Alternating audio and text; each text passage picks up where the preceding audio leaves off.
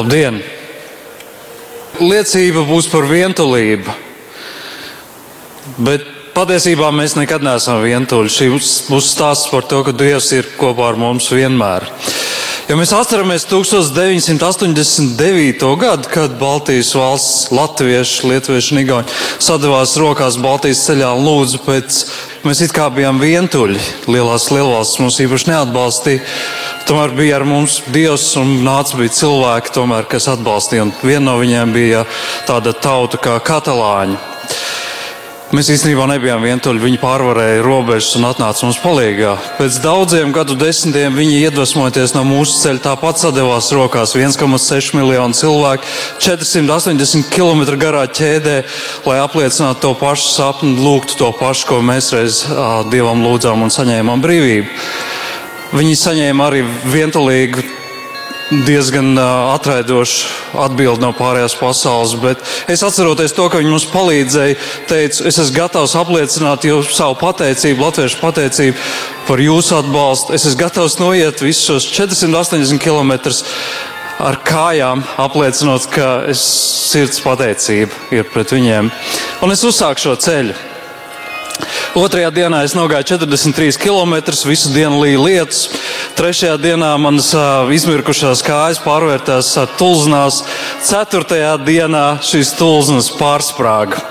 Es gāju knapi vilkdams kājas, kājas dega. Simboliski, tas notika tajā vietā, kur uh, Familija Sagrāda, arh dieva arhitekta, svētās ģimenes arhitekta Antonio Gaudī dzimtās mājām netālu. Un es domāju, ka es sabrukšu burtiski uz zemes.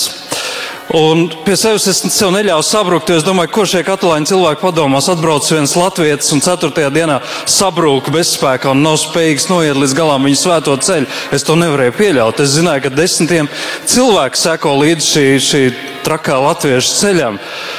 Un tas bija arī viņam nozīmīgs, un es sev neļāvu sabrukt.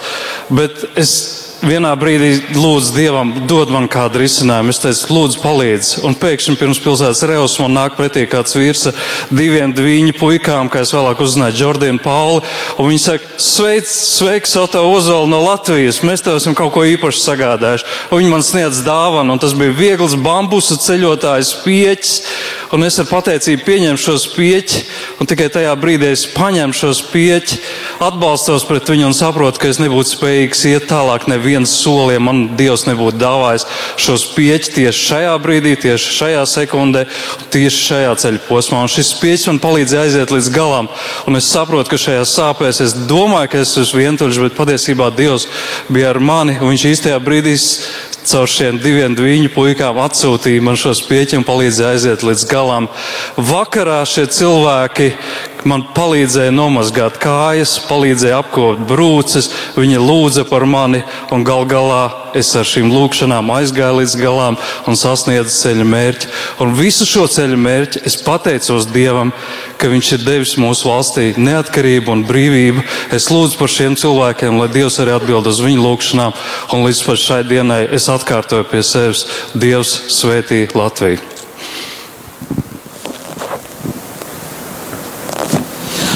Un ieklausīsimies Dieva vārdā no Jāņa evaņģelija, kur tā lasām.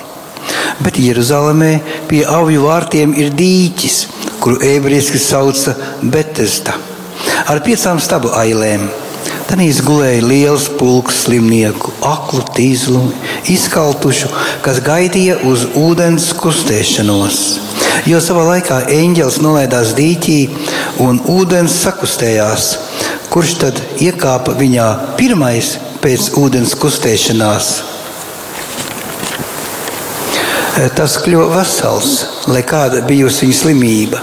Tur bija arī kāds cilvēks, kas 38 gadus bija gulējis nevesels.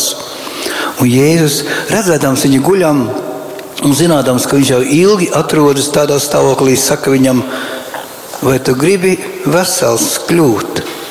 Slimais viņam atbildēja, Kungs, man nav neviena cilvēka, kas mani ienestu dīķī, kad ūdens sāk kustēties. Amen.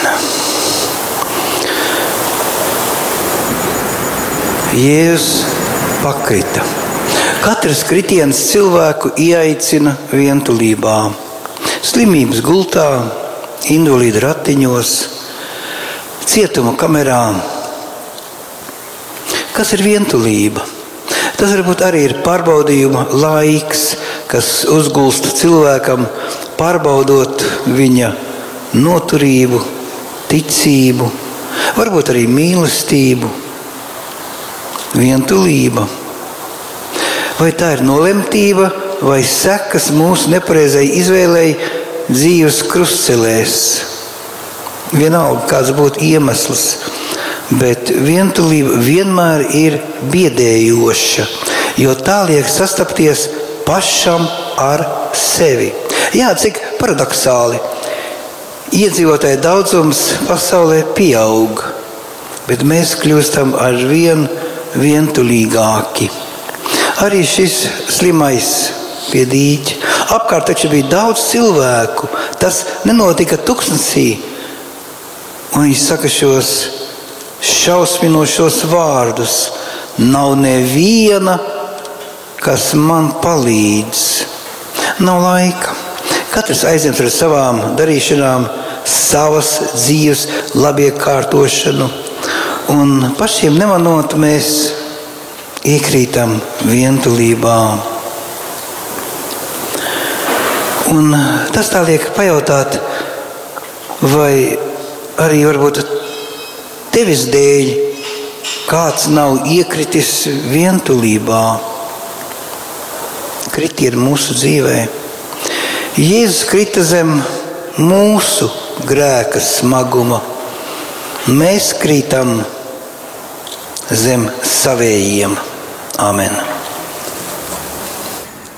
Ja kāds grib man sekot, tas lai aizliedz pats sevi, lai ņem savu krustu un seko man.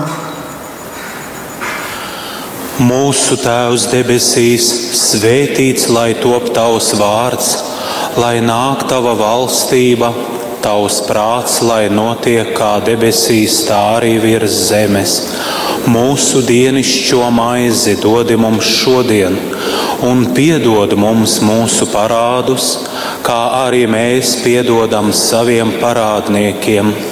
Un neieved mūsu kārdināšanā, bet atpestī mūs no ļauna, jo tev pieder valstība, spēks un gods mūžīgi mūžos. Āmen! Krustā iztais kungs Jēzu Kristu. Apžēlojies par mums! Ceturtajā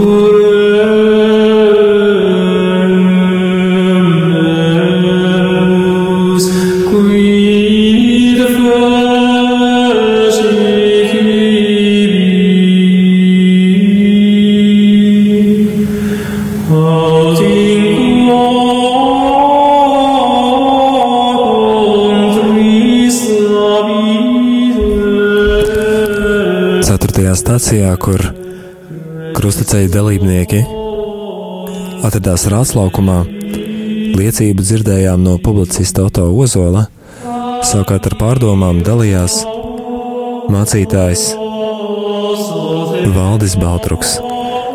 Tagad kopā ar krustaceļa dalībniekiem dodamies uz Svētā Pētera baznīcu, kur būs piektā apstāšanās vieta Jēzum novelk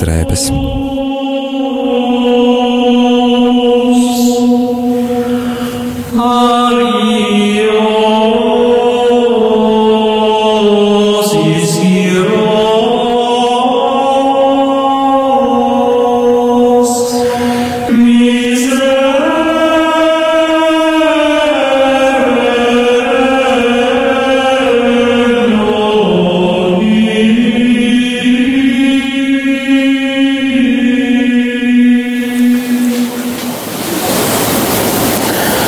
Mēs pielūdzam tevi, Kungs, Jēzu Kristu un tevi slavējam.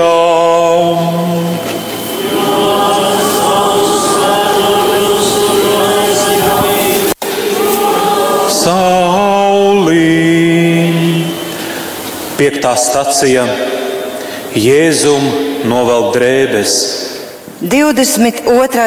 psalms. Manas smaganas izkaltušas kā māla trauks, un mana mēlē līp pie manām augslējām. Nāves pīšļos tu mani esi guldījis. Ap mani sastājušies suņi, ļaundaru bars mani ielens, manas rokas un kājas ir caururptas. Es varu saskaitīt visus savus kaulus, bet viņi lūkojas manī ar prieku. Lasījums no Jāņa evaņģēlija. Tā piepildījās raksti. Tie manas drēbes izdalījuši savā starpā un par manu apģērbu metuši kauliņus. Piektā stacija - atstumtības krusts. Māsas Marijas, māsas Jēzu Marijas stāsts, ko es jums, ar ko, ar ko es dalīšos ar jums. Mani vecāki gaidīja mani, savu mīļoto meitu. Viņi neapzinājās, ka gaidot mani, viņa gaidīja mirušo meitiņu, kura trīs mēnešu vecumā atstāja šo pasauli sirds slimības dēļ tieši gadu pirms manas dzimšanas. Caur neapzinātu manis noliegumu manī garīgi un fiziski iemiesojās atstumtības sajūta, kas bija kā magnēts dažādās situācijās, nākamajos dzīves posmos, bērnībā, skolas laikā un arī vēlāk. Šī sajūta ietvēra zemu pašvērtējumu un nespēju sevī ieraudzīt patiesu vērtību. Es nejūtos labi tajā, kas es biju, pieņēmu, ka neesmu pietiekami gudra, skaista, apdāvināta, interesanta, jautra un humora pilna. Lai tiktu atzīta, lai kādam patiktu tā vienkārši būt ar mani kopā.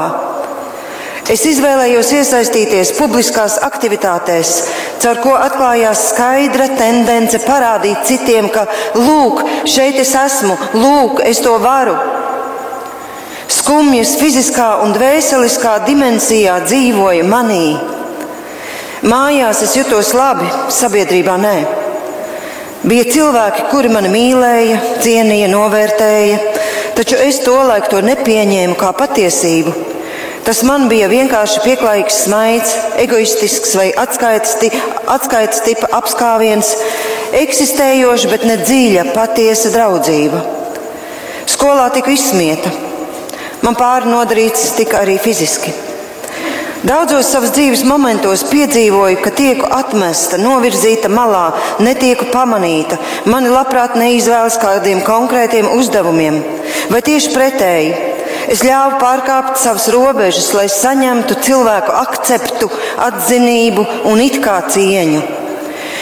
Tā cilvēces kraupja visās mūziskās, psiholoģiskās un emocionālās sfēras degradējoša pieredze manu dzīvi papildināja aptuveni sešu gadu vecumā, kad kāds 60-gadīgs kaimiņš, kurš uz mūsu mājām nesa dāvanas, sāka mani regulāri pieredināt pie ilglaicīgām darbībām, kas mūsdienās ieguvušas konkrētu nosaukumu, bet vienkāršā valodā tiek definēts kā seksuāla izmantošana. Šī lieta beidzās tikai tad, kad mans tēvs to nešķīšām ieraudzīja. Man ienāca dziļš kauns par sevi, nepatika par, pret savu sievišķību. Kauns veidot kontaktu ar pretējo dzimumu, vainas sajūta pastiprinājās.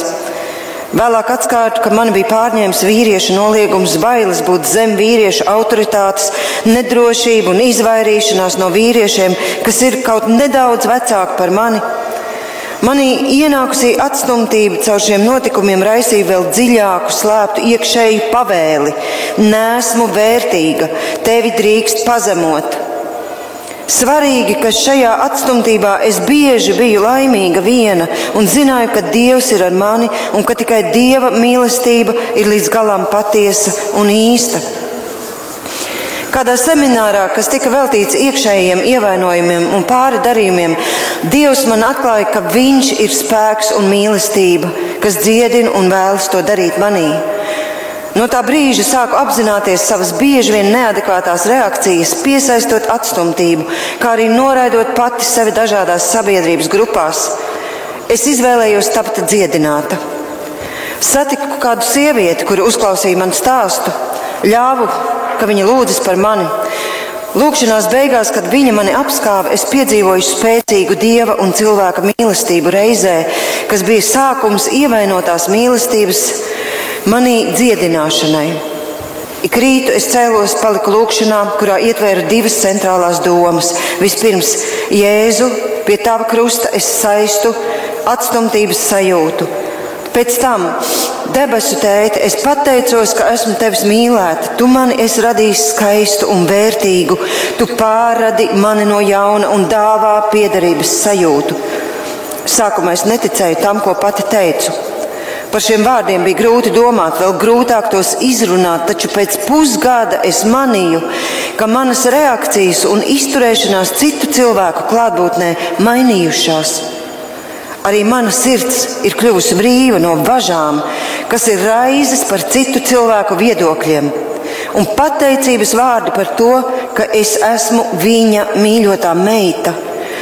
Bija kļuvuši par atsvaidzinošu un iepriecinošu smaržu manai dvēselē. Protams, ka Dievs ļauj iet cauri dziļam dziedināšanas procesam. Tas ir turpinājies daudzus gadus. Paralēli tam es kopā ar Kristu krustu devos piedošanas svētceļojumā, kad piedzīvoju nepatīkamas izjūtas, atceroties kādus savas dzīves negatīvos notikumus. Es vērsos pie Jēzus un teicu, ka es kopā ar Jēzu piedodu, saucot cilvēkus, kuriem jāpiedod vārdā. Vēl vairāk es izteicu atdošanu sev, kas dziedināja manu nepatieso vainas sajūtu. Šodien es ikdienas slavēju, ka esmu Dieva lolotā un mīļotā, spēju droši atklāt savas domas, apzinoties, ka Dievā esmu vērtīga un ka drīkstu citu cilvēku acīm būt atšķirīga, par to nereizējoties. Mana sievišķība ir izgaismota Dievā. Esmu pateicīga Dievam un priecīga par to, ka esmu sieviete tieši tāda, ne citādāka. Jau daudzus gadus manī rosās prieks Dievā. Esmu laimīga par to, ka esmu Dievam, ka man ir uzdevums, ko veikt, ka visu un visa varu dzīvot Dievā, kurš ir mana mīlestība, kurš mani savā mīlestībā nes uz rokām un ir vienmēr blakus. Es zinu, ka ir tik daudzas lietas, ko varu labi izdarīt, ko Dievs man ir uzdāvinājis un turpina to visu manī vēl spodrināt. Protams, ka šīs atstumtības krusts ik pa laikam ir jūtams, taču nesalīdzināmi mazākā mērogā. Dieva dziedinošajā žēlastībā es spēju to atpazīt, nodefinēt un adekvāti noreaģēt, atdodot radušo sajūtu Kristus brūcēs un dodoties mīļā tēva klēpī. Gadās arī kritieni un aizķeršanās, tomēr man vienmēr paliek cerība. Un Kristus krusts kā dziedinoša platforma, uz kā, pakāpiet, kā pakāpties, lai paceltos un mērotu brīvības ceļu kopā ar Dievu tālāk. Kad viss ir kārtībā, es zinu, ka esmu Dievā, piedzīvot pārliecību, nebalstoties uz citu viedokļiem par mani, zināt, ka esi uz īstā ceļa, ka pieņem īstās izvēles, pat ja citiem tā nešķiet ir laimes sajūta, kas nāk, gremdējoties debesu tēta apskāvienos, baudot viņa klēpi. Tur ir droši un ir prieks. Taču nogurumā veiksmīgi var piedzīvot savu ievainojumu sekas.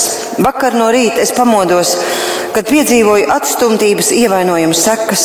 Mācās virsū atraidījums, kas nebija piedzīvots jau sen, un tas parādās nogurumā. Tu esi lieka, tavs darbs nav pietiekami labs, lai citi to atzītu.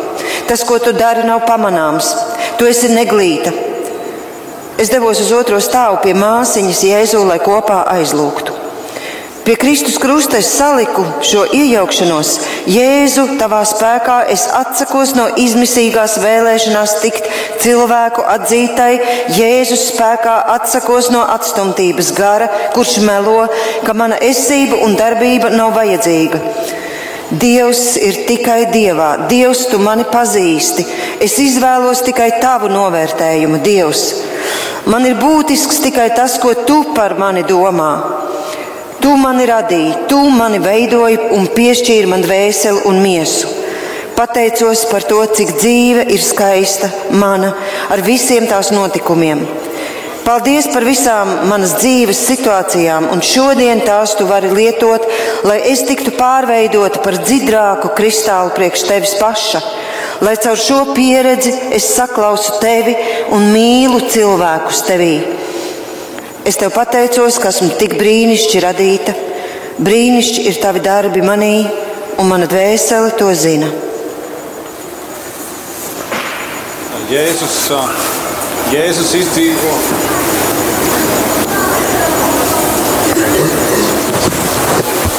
Kur ir otrs?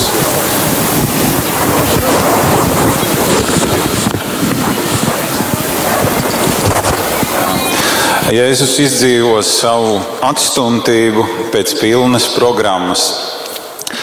Tur blakus ir ne tikai zaimotāji, bet tur ir arī cilvēki, kas saka, nu, tā tev arī vajag. Un šis komplekts noslēdzas ar viņa izģērbšanu. Un blakus nav neviena, kas varētu viņam palīdzēt. Patiesībā cilvēki ziņkārīgi vēro, un tas dažreiz notiek arī šodien, kad mēs attaisnojam to, redzot kādu nelaimīgo, mēs vienkārši sakām, mums nav laika apstāties. Atstumtība. Šķiet, ka maz būs cilvēku, kas nekad savā dzīvē to nebūtu piedzīvojuši. Un tajā pašā laikā, skatoties uz Kristu, mēs redzam, viņš iziet cauri šai atstumtībai. Viņš uzvar to, ko mēs savā spēkā nevaram uzvarēt.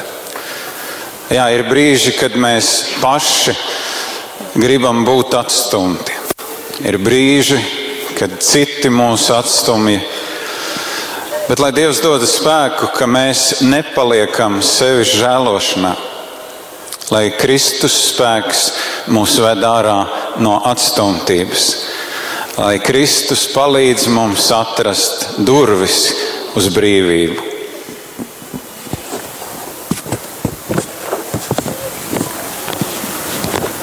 Ja kāds grib man sekot, tas lai aizliedz pats sevi, lai ņem savu krustu un seko man. Mūsu Tēvs debesīs, svētīts lai top tavs vārds, lai atnāk tava valstība, tavs prāts, lai notiek kā debesīs, tā arī virs zemes. Mūsu dienascho maizi dod mums šodien, un piedod mums mūsu parādus, kā arī mēs piedodam saviem parādniekiem, un neieved mūsu kārdināšanā, bet atpestī mūs no ļauna, jo tev pieder valstība, spēks un gods mūžīgi mūžos. Āmen! Krustā iztais kungs Jēzu Kristu. Apžēlojies par mums!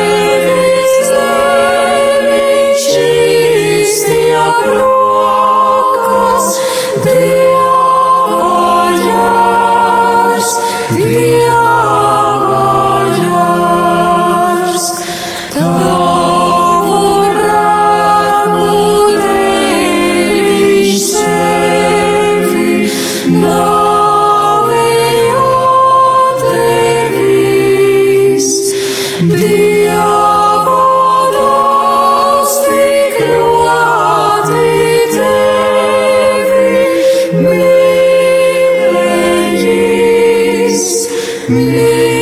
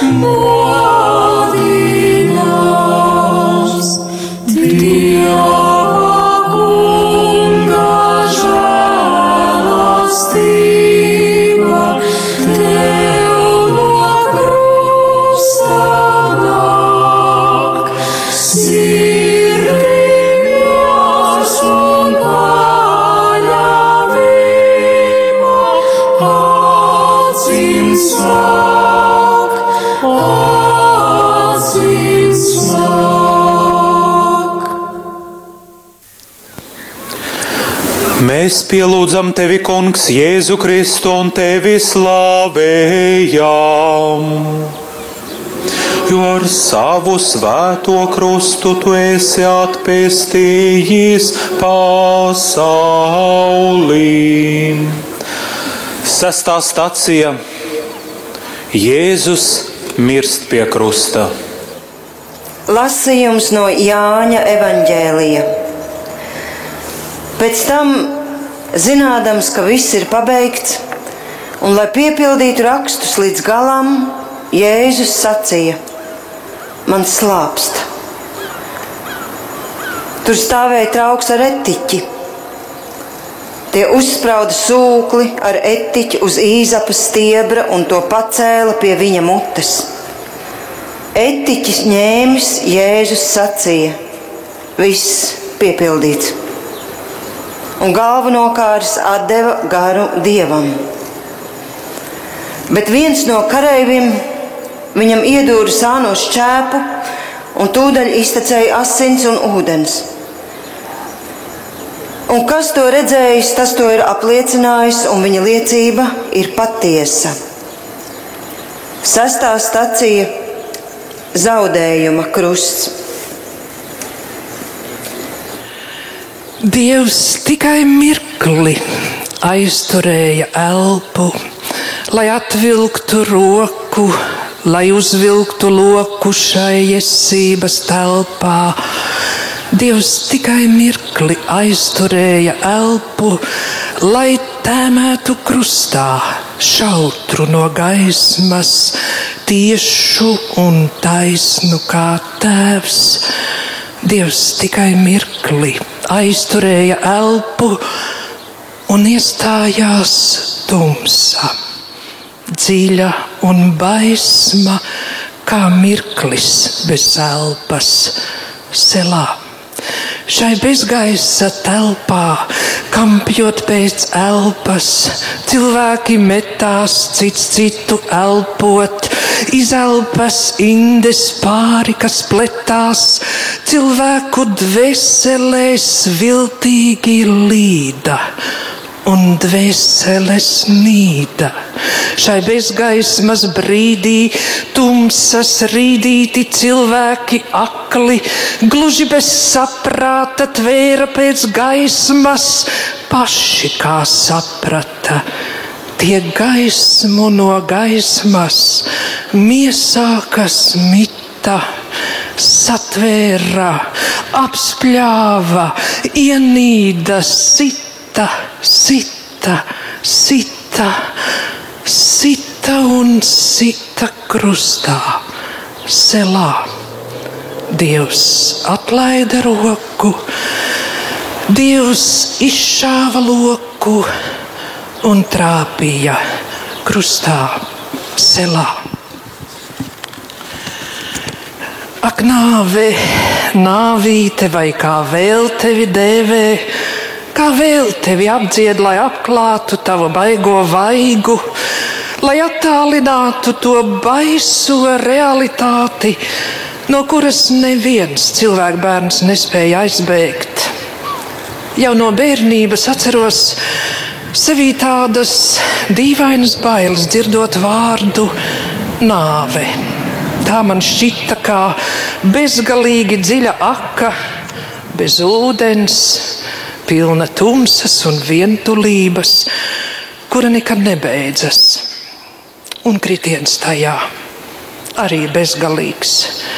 Šādas asociācijas man iespējams rosījās tādēļ, ka māte bērnībā stingri piekodināja netuvoties sakai, jo tajā varot ieraut iekšā un tad cilvēkam nāve klāt. Visu dzīvi gāju ar līkumu, akām un nāvēju. Abas bija mans lielākais un briesmīgākais ienaidnieks, no kura jāvairās un no kura jābēg. Bet tad es savas dzīves ceļā satiku Kristu iepazinu viņa žēlastību, mīlestību un, un atdošanu. Zināju arī par viņa nāvi krustā, bet gāju tam apkārt ar līkumu kā tumšai, biedējošai akai, kurā baidījos iekrist. Baidījos noslīgt tajā bezgalīgajā nāves tumsā un pamestībā. Un tā es dzīvoju ar pusi no žēlastības, kurā, kura īsti nespēja man dot sirds ilgas piepildījumu pēc patiesas dievas tuvības. Bet tad Jēzus savā lielajā mīlestībā, esmu droša to sakot, ņēma mani pie rokas un pats pe- veda pie sava krusta pa ciešanu ceļu. Ne jau pa savējo ciešanu ceļu, to mēs nespējam nostaigāt, un tas jau ir noiets. Jēzus mani veda pa Marijas, savas mātes ceļu, kas vijās līdzās dēla ciešanām un nāvēja. Viņš mani veda pa mana bērna ciešanu ceļu, pa mana bērna nāves ceļu. Es baidījos tuvoties nāvei, bet nāve nebaidījās tuvoties man. Tā iespiedās kā zīmogs manā dvēselē uz visu atlikušo dzīvi. Tik tuvu mēs satikāmies. Dienu pēc dienas, nedēļu pēc nedēļas es eksistēju līdzās uz nāves limās meitas gūtai. Marija, tu biji šajā ciešanu ceļā kopā ar mani, un es biju ar tevi tavās ciešanās. Mūsu ceļi satikās manā un tavējā mātes sirdī, un mēs aizgājām līdz tava dēla krustam. Visu šo laiku deņu, deniņos man dunēja Simjona tev teiktie vārdi. Tev pašai cauri dvēselēji zobens dursies un atbalsojās manā sirdī. Tev pašai, tev pašai, tev pašai. Visapkārt miers, kā norimusi jūra, bet vidū zobens, sarkans saules riets. Tas nemitīgi skaudri sirdī duras, un līdz ar sauli arvien dziļāk iet. Es zinu to, ka saule rītu ausīs, un zobens celsies līdzi debesīs, bet priekšā nakts līd nežēlīgi gausi, pār ziediem jutīgiem kā lipīgs gliemesis. Ko darīt Dievs? Kā izdzīvot šo sāpi? Kā izturēt, kad pārāk tāls šķiet rīts? Es neprasu, par ko tu tā un kāpēc. Vien lūdzu tevi nāc man naktī līdzi. Varbūt tad varēšu es padarīt par savu šo zobenu, kam gribas atkliegt nē. Un tavu ievainoto silto roku skavās. Varbūt es spēšu sāpi nosvinēt. Trīs dienas pēc manas meitas nāves. Tajā tālajā un reizē tik tuvajā 2004. gadā es redzēju sapni. Es atrodos jaunā mājā, jaunā dzīvoklī, kur viss bija jauns un tīrs, tikai apkārt valdīja liela nekārtība un hauss. Mēs ar dēlu centāmies visu savest kārtībā, bet nebija manas meitas. Es sirdī sadusmojos, kāpēc viņas nav šeit, kāpēc viņa mums nepalīdz. un tad pa puspavērtām durvīm ienāca viņa, skaista, apskaidrota, bet tāla. Stingrā balsī, lai uzsvērtu savu neapmierinātību, jautāju, kur tu biji? Viņa pavērsa uz mani savu acu skatienu, kas bija nevairs no šīs pasaules, un sacīja: Es biju dzimšanas dienā, un tagad eju uz svētkiem. Ak, nāve, nāvīte, kur tava uzvara, kur elle tavs dzelonis? Caur savu bezpalīdzību, ciešanām un zaudējumu nāves priekšā es beidzot biju atnākusi līdz Jēzus krustam. Pacēlu acis un ieraudzīju tur aku, pilnu, dzidra, veldzējoša ūdens.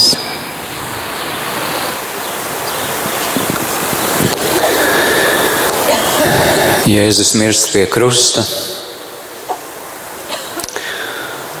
Un tajā brīdī mēs skatāmies ne tikai uz Jēzu, bet mēs skatāmies, kas tad viņam ir atnākuši līdzi, līdz krustam. Un viņa krusta nāvē nav nākuši noskatīties vienaldzīgie. Viņa krusta nāvē nav nākuši noskatīties ziņkārīgiem. Viņam līdz krustam ir sleko, sekojuši viņa nodevēji un slepkavas, lai noraudzītos savus uzvaras saldajos augļos. Bet patiesībā arī viņi līdz patiesajam Kristus krustam nav atnākuši. Līdz krusta nāvei ir atnākusi viņa māte, māceklis, viņa sekotāja. Un līdzīgi kā mēs katrs arī šodien raugamies uz krustā sisto jēzu, un mēs jautājam, kāpēc? Kāpēc Jēzu tev bija jāmirst tik baisā, drausmīgā, ciešanu pilnā nāvē? Prāts to nespēja saprast un aptvert. Viņš nedod mums loģiskas atbildes. Bet, ja mēs patiesi no sirds un patiesībā uzlūkojam krustu, tad pavisam drīz mēs varam piedzīvot pārsteigumu, ka Kristus mūs aizved atpakaļ uz visām tām mūsu dzīves vietām, kur mēs caur savu grēku esam šo dzīves dāvanu izpostījuši, kur aiz mūsu mugurām ir palikuši ievainoti, savainoti cilvēki, kur mēs paši esam sakropļojuši un ļāvuši sakropļot savas dvēseles un savas sirdis. Jēzus mūs aizved atpakaļ un rāda uz mūsu dzīves brīžiem, kad mēs esam ļāvuši mūsu dzīvē ienākt grēkam un nāvei un vienaldzībai. Un viņš saka, tāpēc, tāpēc es mirstu pie krusta. Bet viņš tikai nesaka.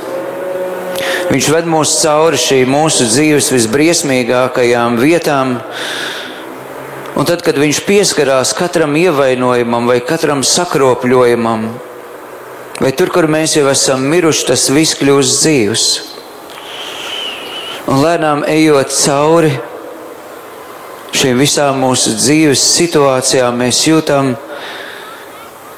kaut kas mūsos mainās. Mūsu nejūtīgā akmens cietā, nocietinātā sirds mainās tā atkal kļūst dzīva. Tā atkal kļūst cerības pilna, tā atkal spēja mīlēt, tā atkal spēja, jā, ko tā spēja? Un mēs skatāmies uz Kristus krustu un domājam, kungs, bet ko es tev varu dot, vai ir kaut kāda iespēja kaut kā tev atlīdzināt? Tu man esi devis sevi visu, ko lai es tev dodu. Un Jēzus Kristus saka, es negribu neko no tevis. Es gribu tevi. Es gribu tevi visu. Un tā no tās dienas, kurā mēs caur ticību esam ieraudzījuši Kristus krusta nopelnu, kur mēs caur Kristus krusta nopelnu ticībā esam saņēmuši tēva piedošanu un žēlsirdību un iespēju dzīvot jaunu dzīvi, mēs katru dienu izvēlamies nomirt. Nomirt kopā ar Kristu, nomirt grēkam, nomirt izvēlēm, kas posta, kas sakropļo, un kļūt par tādas upes krastiem, kas cauri sev nes gara dzīvību, kas nes gara mīlestību, prieku, laimi un svētību. Bez nāves nevar būt dzīvība. Bez Kristus krusta nāves neviens nevar dzīvot. Neviens. Tikai tur un vienīgi tur. Un no turienes mostās jauna Dieva žēlastības, Tēva mīlestības un Kristus piedošanas pilna dzīve. Amen.